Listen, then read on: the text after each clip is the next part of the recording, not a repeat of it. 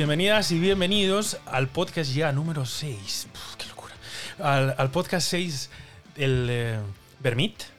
Este año, el 2023, está con nosotros la compañía Señor Smith y como son un montón de gente, que se presenten ellos.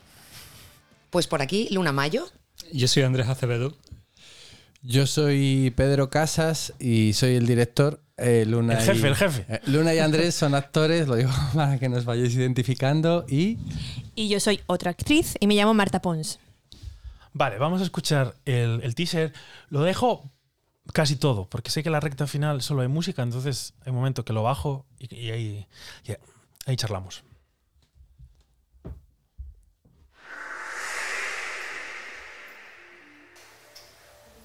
A veces gustaría ser vos.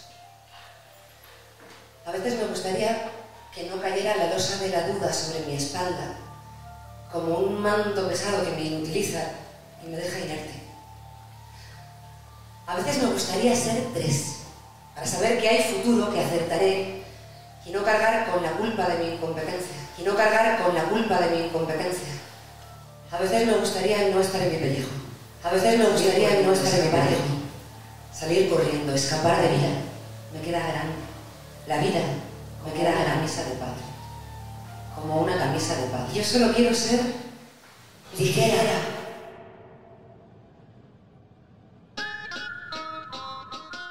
Instrucciones del juego. La partida se desarrolla en tres turnos. Bueno, turnos o actos. En cada acto daremos la opción de elegir qué historia ver entre dos posibles. Objetivo del juego. Ninguno, los juegos solo sirven para jugar, no hay objetivo. Número de jugadores. Seis jugadores y el público. Así que de las seis historias posibles, solo veréis tres. Que comience el juego.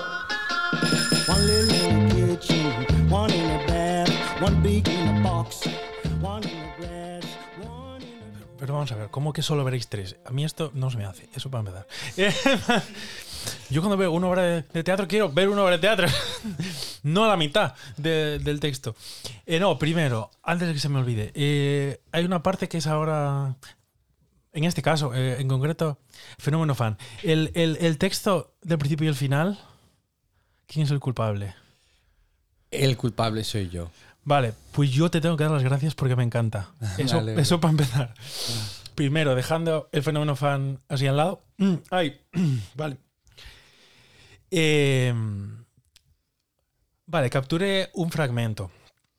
Bueno, así que, que voy a leer. eh, en, esta, en esta pieza el concepto no está en la fábula, está en la forma en la que se representan y se desenvuelven lo- los acontecimientos. Esto lo, lo capturé de, la- de las redes. ¿Puedes, ¿Puedes contarnos qué es esto? Sí, eh, bueno, realmente el- muchas veces se nos olvida que en la forma hay gran parte del contenido y que nosotros eh, cuando queríamos hablar de la ligereza, una de las cosas que nos interesaban era hablar sobre... A ver, parece que la vida todo tiene una causalidad. ¿No? Es decir, parece que todo lo que nos pasa es a causa de algo y a veces no es así. La vida es mucho más azarosa, es mucho más voluble y mucho más efímera de lo que podemos pensar. Y muchas veces en la ficción, en lo narrativo, parece que estas leyes sobre lo causal están muy presentes. A mí lo que me interesaba es que las causas no fueran importantes, sino el cómo se estaba contando, qué iba detrás de esa forma. Y bueno, siempre lo digo que me baso en, eh, o sea, que mis referentes son, por ejemplo, Wes Anderson, donde la historia no importa tanto, sino cómo se está contando y parte del contenido conceptual de la obra está en el cómo, en la forma. Cuadro, la estética, claro. Claro, o en otros autores, con Joaquín, que no me acuerdo del apellido, el de La peor persona del mundo, ¿no? No, no le interesa tanto lo que está contando, es una película danesa maravillosa, sino, sino cómo lo está contando, es decir, eh, cómo se están generando esos acontecimientos y la forma ya nos está diciendo cuál es el concepto de la obra. Entonces queríamos darle más importancia a, a cómo se estaban desarrollando los acontecimientos que a los acontecimientos en sí. No sé, si te- no sé si me explicas que me he puesto un Sí. poco redicho. Sí, sí. Sí, sí. Sí, sí, sí, está perfecto. Vamos a, a trasladar. Tengo una, una propuesta para el, para el reparto aquí presente, que sois la mitad, ¿verdad? Sí, efectivamente. El 50%. Que es, si, si, me, si me podéis poner ejemplos cada uno de, de tres palabras que elegí de la, de la pieza eh, que, os gusten de lo que, de lo que hagáis o de lo, de lo que os acordéis en este momento, que son juego, imaginación y encuentro. Esto, ni- esto individual, ¿eh? cada uno el suyo. Podéis pensar que, que no hay prisa. Has dicho juego, imaginación y encuentro. Sí, Tres ejemplos que tengan que ver con la obra. Pues yo creo que lo primero sería juego. Porque es un ejemplo un poco genérico, pero eh, nosotros venimos a jugar la obra en el sentido más abierto. Y de hecho, esto que tú decías, que son que solamente vais a ver la mitad de la obra, o Buah, una cabrones, posibilidad. Cabrones, yo voy a, voy a pelear por, por ver la otra parte. A ver si lo consigo. Tiene que ser otro día. Estoy ahí, estoy ahí. No, lo que quiero decir es que, eh, que ese juego lo jugamos nosotros también. Nosotros no sabemos qué vamos a hacer.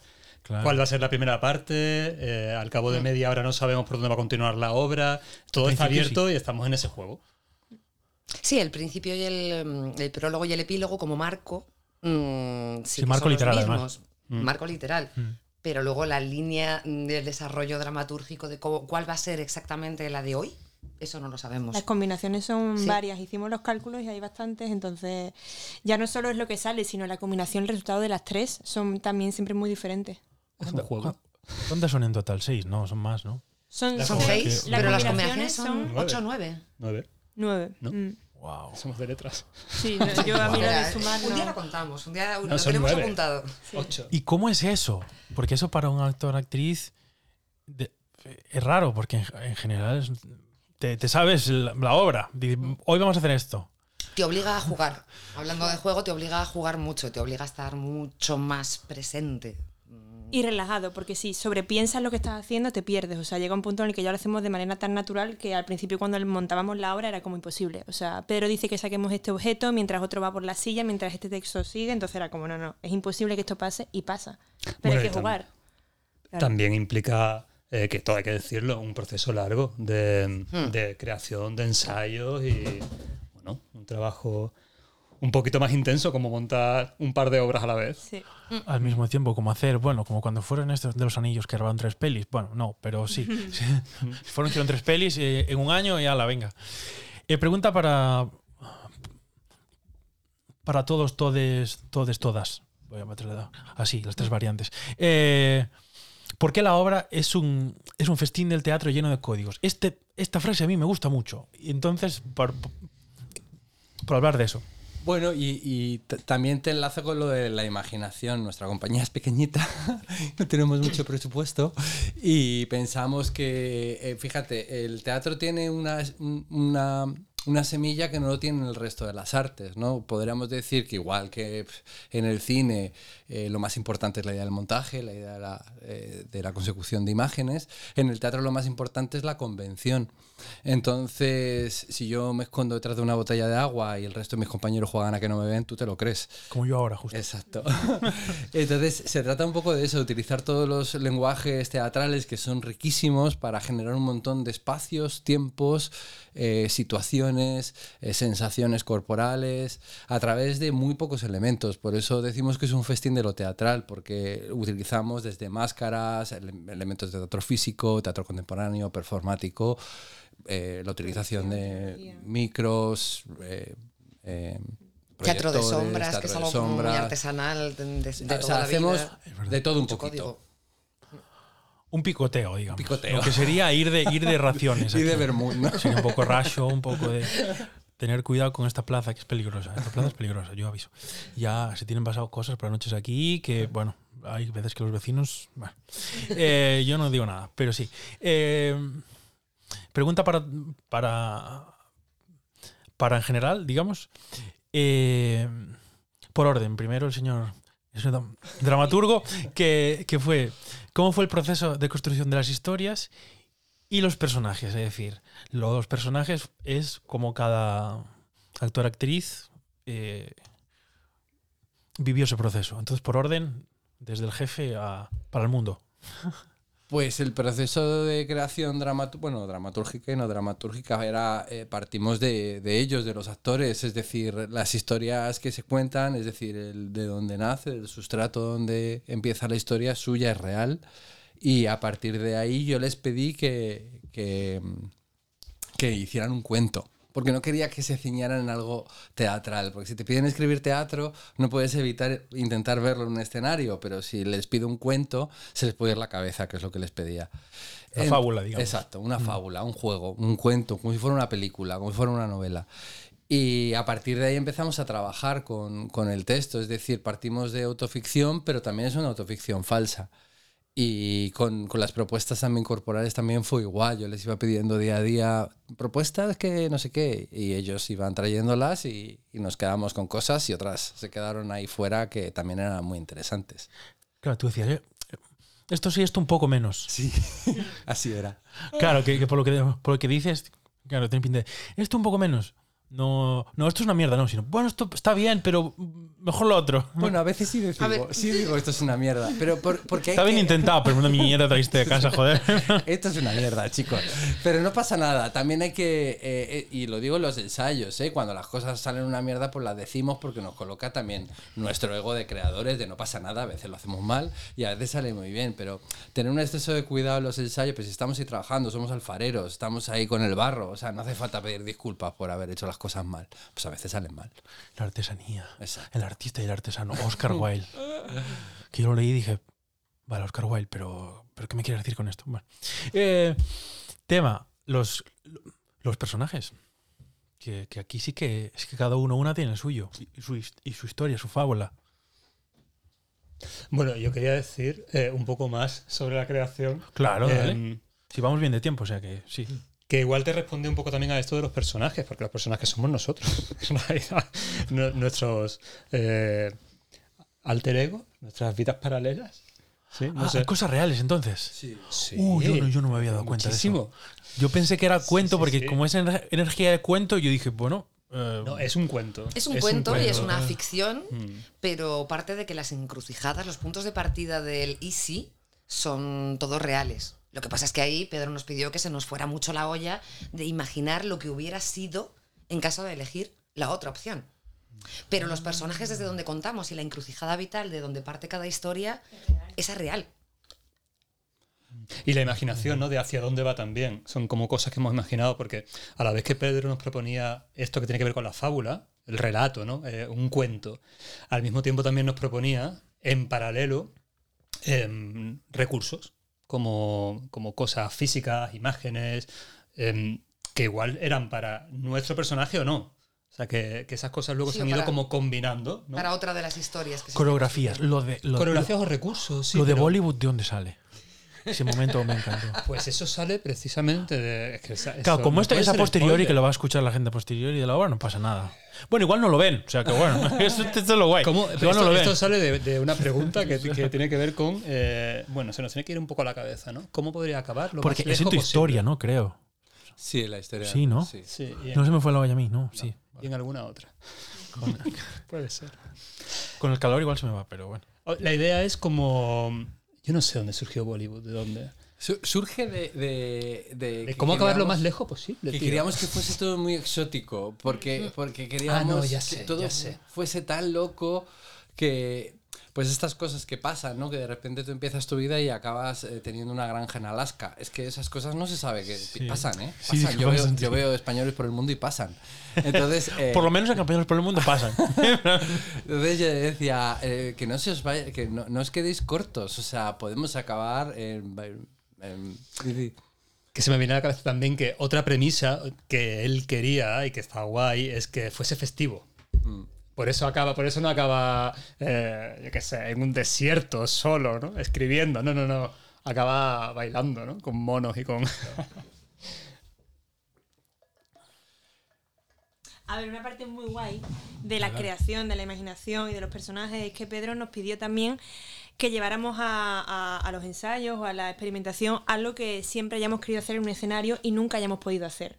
Entonces, da- guay. es que ya todo partía de un juego desde el primer momento en el que Pedro como director nos pedía a los actores cosas que son para niños pequeños un caramelito. Entonces tú imagínate que a mí me diga a lo que nunca has podido hacer un escenario, lo vas a hacer ahora. Y lo vamos a averiguar para que todos los seis o los siete lo consigamos. Entonces, pues eso fue una parte también de, de la creación de los GIF, de la historia, de la narrativa, de, de los personajes, porque al final son cosas que. regalitos que te dan los directores que tú dices, jo, qué guay. Por eso Bollywood, por eso se nos va la olla, porque es que nos deja crear desde el juego y desde el- las ganas que tenemos de hacer cosas en el escenario. Ahí, manteniendo la ilusión. Mm. Mm. ¿Queda alguien? No. Eh, algo que tiene que ver con eso, y no es fácil, pero el momento preferido vuestro de la obra, ¿cuál es? Individual. Eso es spoiler, ¿eh? ¿Qué? Es spoiler eso. Bueno, pero como es a posteriori, Pues que empiecen ellos. Yo... Yo para mí, eh, mi momento favorito del- de lo que hago yo, mm, individualmente, es el momento soy una mancha de humedad en la pared. O sea, de verdad, en- creo que en ningún momento en mi vida como actriz voy a tener un momento así. de ese va, te sientes identificada con la, la mancha esa. La mancha, la mancha en la pared. No, hay momentos que No, realmente a lo mejor eh, requieren mucho y han supuesto un reto para cada uno de nosotros de, bueno, de saber cómo llegar ahí, cómo llegar a contar eso y de la manera que estaba buscando también Pedro. Pero bueno, luego hay otras cosas que a lo mejor es un momento de soy un secundario pequeñito, mm, hago aquí y que para nosotros son deliciosos. De, nos lo pasamos muy bien. Claro, que estáis en el fondo, así, claro. Yo tengo dos momentos. Venga. Uno es eh, cuando Marta... Es un poco trampa, pero como eres, como eres dramaturgo y director, son dos momentos, está guay. Sí. Uno, uno por cada cosa, está fantástico. trampas. Uno es cuando Marta hace de hoguera, que, que hace de fuego, y es, es- es- es que me hace mucha gracia que se pone una tela roja y es una hoguera en el bosque y tiene sus sonidos y sus cosas. Y otro es de, otro momento de los que hablábamos, que quizás no es el más eh, relevante de la obra, pero a mí me interesa mucho, que uno de, los, de las cosas que dije que uno de los actores quería hacer que nunca había hecho era cantar. Me decía, a mí me encantaría cantar, pero canto fatal. Y, a- y lo intentó en un ensayo y me dio tanta vergüenza ajena y me pareció tan divertido que le hago cantar cada vez que sale su historia. Y él lo Venga, va, pasa... desinhíbete. Es que lo pasa mal, pero a la vez le parece muy divertido. Entonces ahí se mezcla, se mezcla entre la vergüenza ajena suya, la nuestra, la del público que está intentando apoyarle. Y, y reconozco que ese, que ese instante me hace muchísima gracia siempre. Claro, igual en un musical no entra, pero en esta obra sí. Igual en un casting para, yo que sé, Cats no entra, pero... Claro. Yo tendría que decir, bueno, yo soy un poco romántico empedernido y mm, a mí el momento que más me gusta es el epílogo, que es un texto, es el que tú has dicho que eres fan también, y que me Yo ocurre una cosa, claro, a mí me ocurre una cosa que me pasaba también en el montaje anterior de la compañía, que mm, siento por unos momentos que yo puedo estar escuchando y recibiendo lo que está pasando al mismo, al mismo nivel que una persona en el público. O sea, estoy como eh, compartiendo y viviendo exactamente lo que ellos están viviendo, porque estoy dejándome tocar y estoy emocionado por las palabras que va diciendo ella, eh, Luna. y sí, o sea, ese momento no, no pararía de hacerlo, de escucharlo, de vivirlo en el escenario. Es, es- es emocionante. Wow. Pues yo, Dale, dale. eh, a ver, todos los que han dicho ellos son mis momentos. Es que es imposible elegir, ¿vale? Me cuesta Claro. mucho. Entonces he intentado pensar en algo que me guste también y es la de veces que conectamos con el público.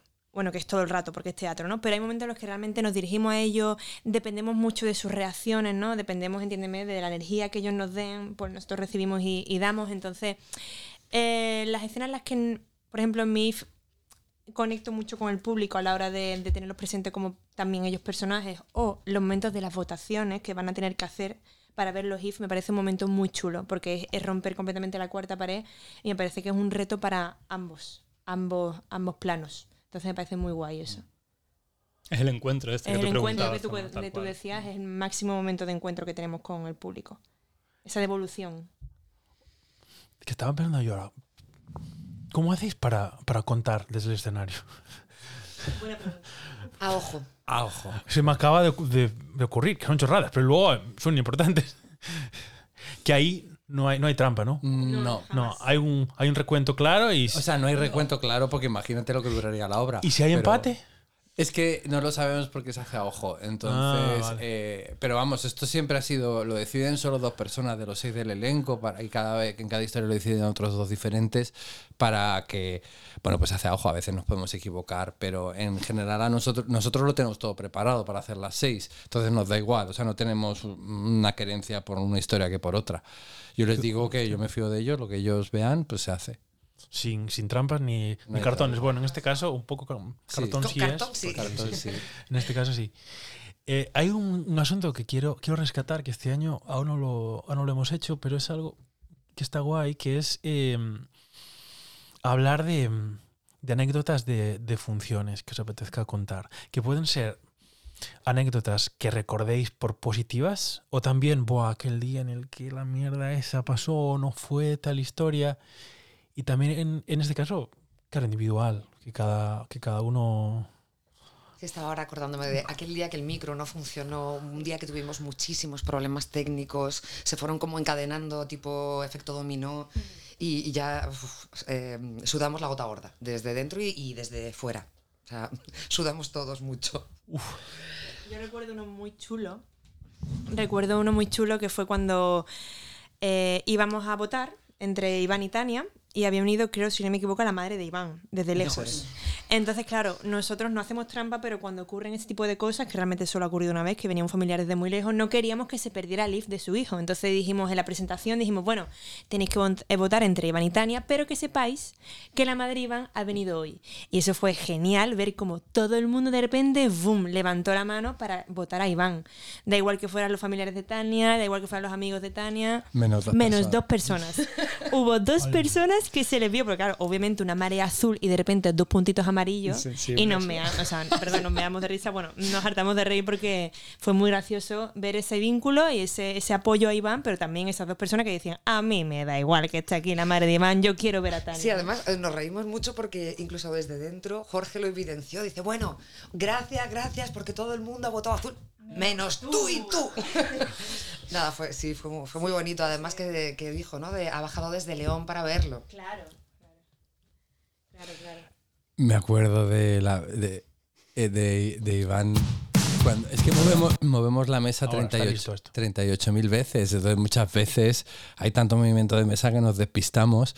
Y recuerdo que Iván todo el rato se le olvida el movimiento de la mesa del juicio. Y es que se, se queda en el medio del escenario y parece como un oso hormiguero que se queda ahí como con carita de pena.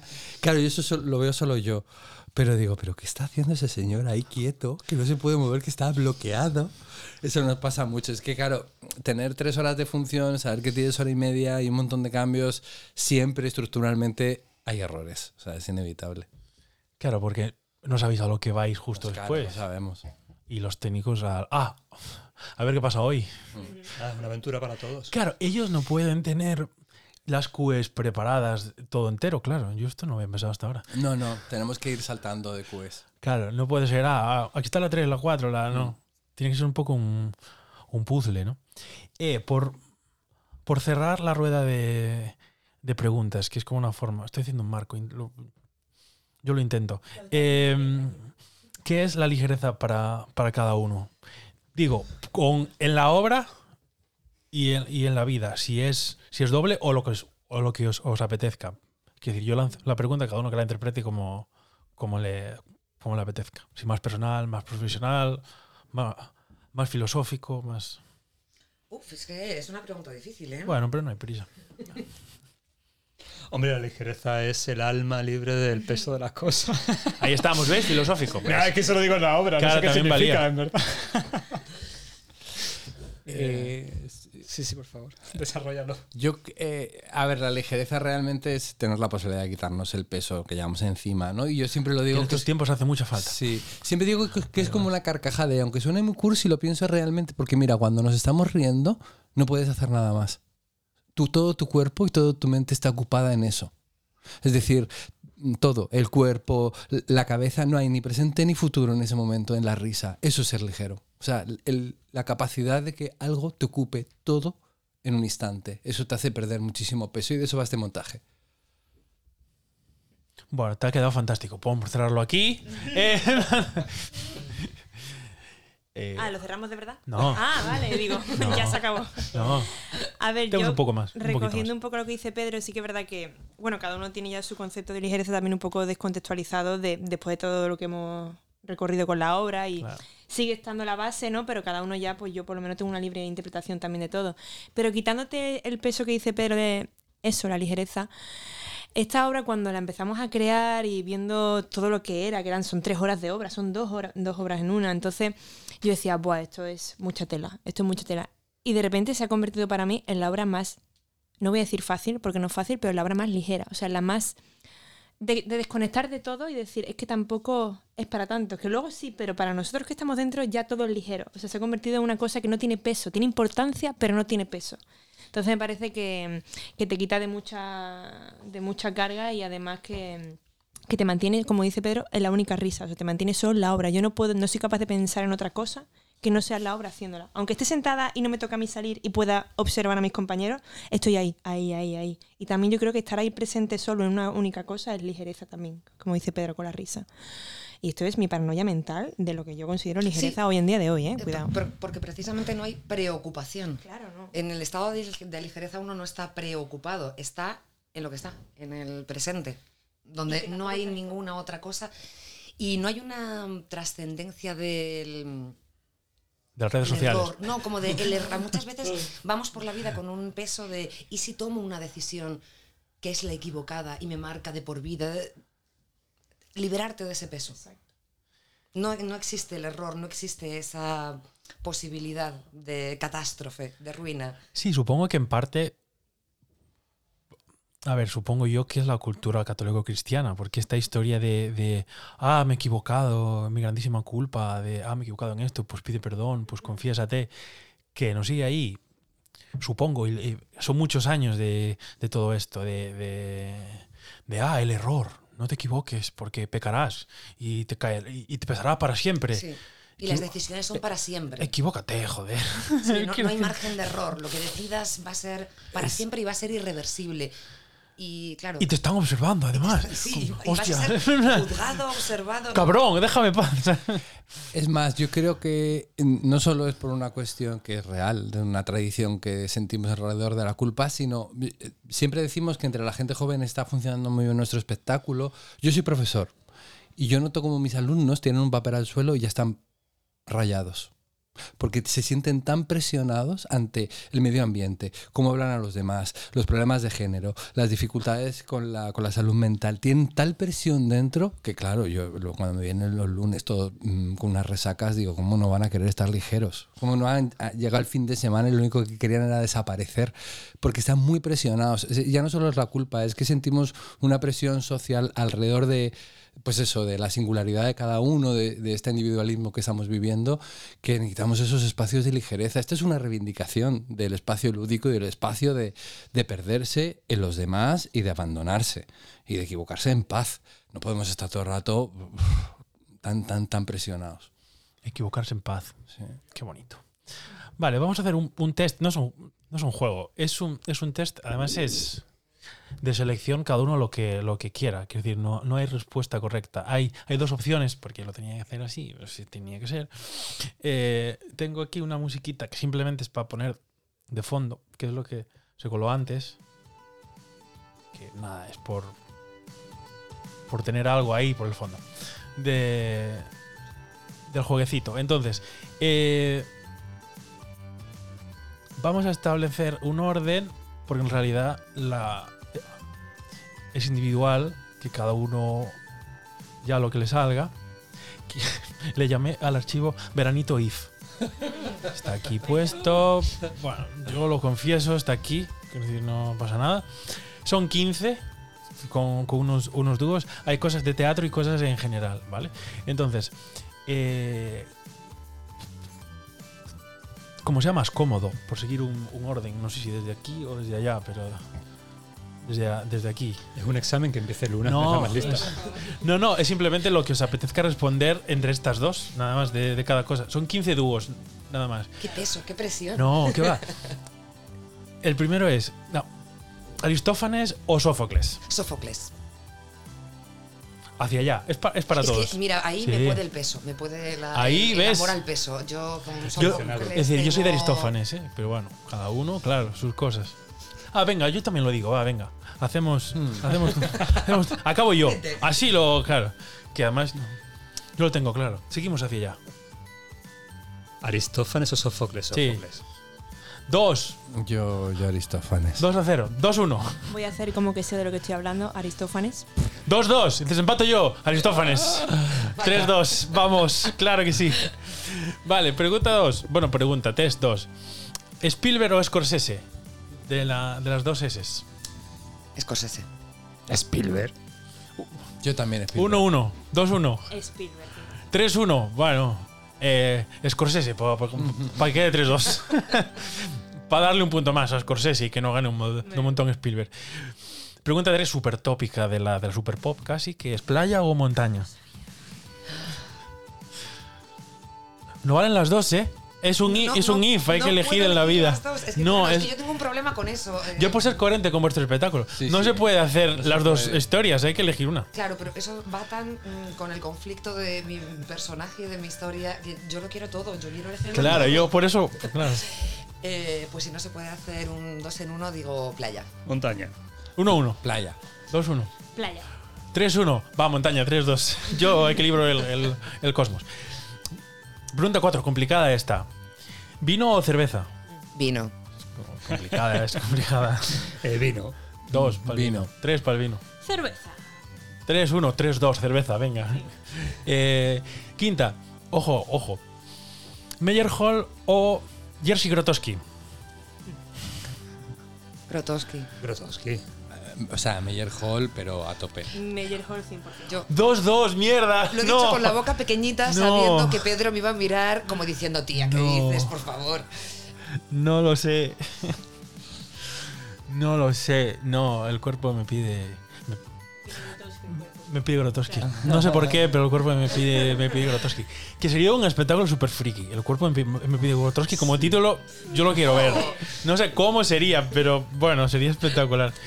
Eh, vale, pregunta, pregunta friki. No hablo de mí, conste, eh, hablo en general. ¿Tu casa o la mía? Cada uno lo tal. Ajena. O sea, lo que sería, lo que sería siempre- tu casa en este caso. es- Siempre la de la otra persona. La de la otra persona. tu sí, casa siempre 1-0. tu La mía. 1-1. La mía, la mía. 2-1. La mía, yo puedo echar a gente de mi casa. 3-1. Pues venga, yo, yo pongo el 3-2 de la, la- la de los otros. Pregunta 7. Esta es muy complicada también. ¿Bachata o reggaetón? es muy complicado. Entre, para mí, entre dos males. Entre dos males, el bachata, peor. Bachata. Eh, yo qué sé, reggaetón, creo yo, entre dos males. 1-1. Yo también no sé muy bien qué decir. Voy a decir reggaetón. A ver, yo soy millennial, así que reggaetón a muerte, vamos.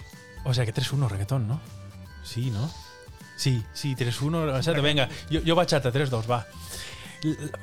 La 8 a cosas ya más clásicas. Salsa o bachata. Esto ya es de un poco más de antes. No lo mismo Salsa. de atrás. Salsa. Sí, salsa. Bachata. Yo soy de salsa, aquí no, no regulo el 3-2. Yo voy a muerte con la salsa. A muerte, me, me encanta. Y la rueda cubana es lo mejor. Venga, eh, pregunta 9. Esta es muy tópica, pero bueno. ¿Madrid o Barcelona? ¿Que subía el primero o no? Yo os pongo ahí en, en un lugar español. El duelo español de, de España. No, qué lástima que en eso haya duelo.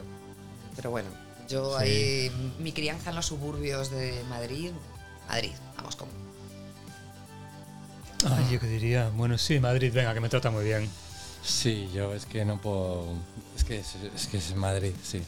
Venga, yo 3, nunca he 4. estado en Barcelona, así que Madrid. Nunca, hostia. Pues, eh, eh, yo Barcelona, que es una ciudad que me gusta mucho. Eh, esta es polémica, ¿vale? Agarraros a esta, porque esta pregunta es, es polémica. Si veis que es muy comprometedor, podéis pasar. En esta en concreto, que es ¿Premios Talía o Premios Max? Ojo, que esto hay un debate en, este país con este tema. Interno, pero ahí hay una historia. Ahora entendéis por qué es polémico ahí. Ah, ah. Venga, chicos. Mm, vamos con los Max. Max, Sí, por el nombre. yo también, premios Max. Tres. Max. Venga, va, yo digo los otros por, por hacer un poco de, de- de compensación. Quedan cinco. Ah, lo voy a clavar. Va, llevamos 35 minutos. Espectacular. Vamos. Eh, ¿Manzanas o peras? Esta fácil. Manzanas. Manzanas. 2-0 manzanas. Yo voy a decir peras, pero no tiene ninguna razón de ser. Yo voy a decir peras, pero. uf, Por llevar la por contraria. llevar la contraria. A 2. Yo soy de manzanas. 3-2. Quedan 4. ¿Comedia absurda o comedia negra? Ah, esto es como la pimienta y el ajo. Quiero ambas. Ya, y yo. Y sí, me encantan las dos, pero Yo lo tengo era, eh, Yo también. era por jugarla, vamos. Absurda. Luna, Comedia absurda. Yo, comedia negra, clarísimo. pues yo absurda a tope. Yo aquí también soy de, de absurda, claro. No voy a hacer el 3-2, yo soy muy de ahí. Eh, dos actores gallegos, que son Luises. Que esto, esto, eh, esto, esto salió de unas coñas nuestras de estos días. ¿Qué es? ¿Luis Tosar o Luis Zaera? Ahí. Aquí, que son los nuestros que están ahí, por ahí triunfando Sí, en, sí. en Madrid. Bien, es que ah, yo, yo tengo el problema de yo, yo me quiero quedar con todo. Claro. Eh, vamos con Luis Taera. Luis Tosar. Uno, uno. Luis Tosar. Tosar. Uh, venga, yo me quedo con, con Zaera, va, va, así como comenzamos un poco. Quedan dos. Esta opción tiene tres. Porque en, en toda norma hay una excepción y en este caso había que hacerlo por un tema veganista, que es carne o pescado o seitán. Lo metimos porque era la, la tercera vía. Porque yo estaba con esto y me dijeron, ¿y los veganos? Y dije, pues tienes razón, pues me salta la norma, tomar por culo. Son tres opciones. Seitan. Pescado. Carne. Pescado. Yo soy de carne. Eh, sí, tal. Queda, queda la última, que es, eh, que es facilita. ¿Frío o calor? En estos tiempos Frío. de la, de la leche. Frío. Calor. Yo prefiero calor. Mm. Desempato Pero yo, cuesta entonces. decirlo, ¿eh? Con la boca pequeña digo lo de calor. Y yo estoy más cómodo con el frío, o sea que va a ganar el frío. Ostras, oh, aparezco yo aquí para desempatar, como si fuera el, el- el moderador de la vida. Y así, y ya está, así, perfectamente. Llevamos tre- 37, maravillosamente. Eh, claro, aquí se da el asunto que es, yo os deseo una suerte tremenda para hoy y mucha energía y mucho calor. Y- lo curioso es que ya pasó y os hago la, la pregunta, como la gente ya lo vio, ¿qué tal fue el bolo de hoy? ¿Bien? ¿Mal? ¿Regular? ¿Hubo, hubo anécdotas? Eh, ¿Cómo lo, os lo imagináis? Ha sido el mejor bolo que hemos tenido hasta ahora. Hay entusiasmo. Bien, me, me gusta, me gusta. Ha sido el mejor bolo que hemos tenido hasta ahora porque es el primero, ¿no? no, no, no, es broma, broma. ¿Cuántos, ¿Cuántos lleváis, por curiosidad? Uf, pues. Tú lo contaste, ¿no? Una Sí, vez. Unas 12 por ahí. Sí. Genial. Ha sido muy especial. Ha sido muy ligero. ¿Es el primero al aire libre?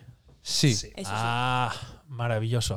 Eh, tengo que deciros que des- desgraciadamente a la, en la posfunción también estaré yo en el coloquio. O sea que, bueno, porque desde ayer también, bueno, estará también Iván, o sea que no estaré yo solo, estará también él, que, que está en el curso de clown de, de Rui, o clown portugués muy interesante. Y nos vemos luego. Pues encantados. Yo tengo unas ganas de ver la obra que no os hacéis idea. Entonces, pasarlo, pasarlo bien y nos vemos dentro de un rato. Pues ahí, ahí te esperamos. Chau, chau. Hasta luego.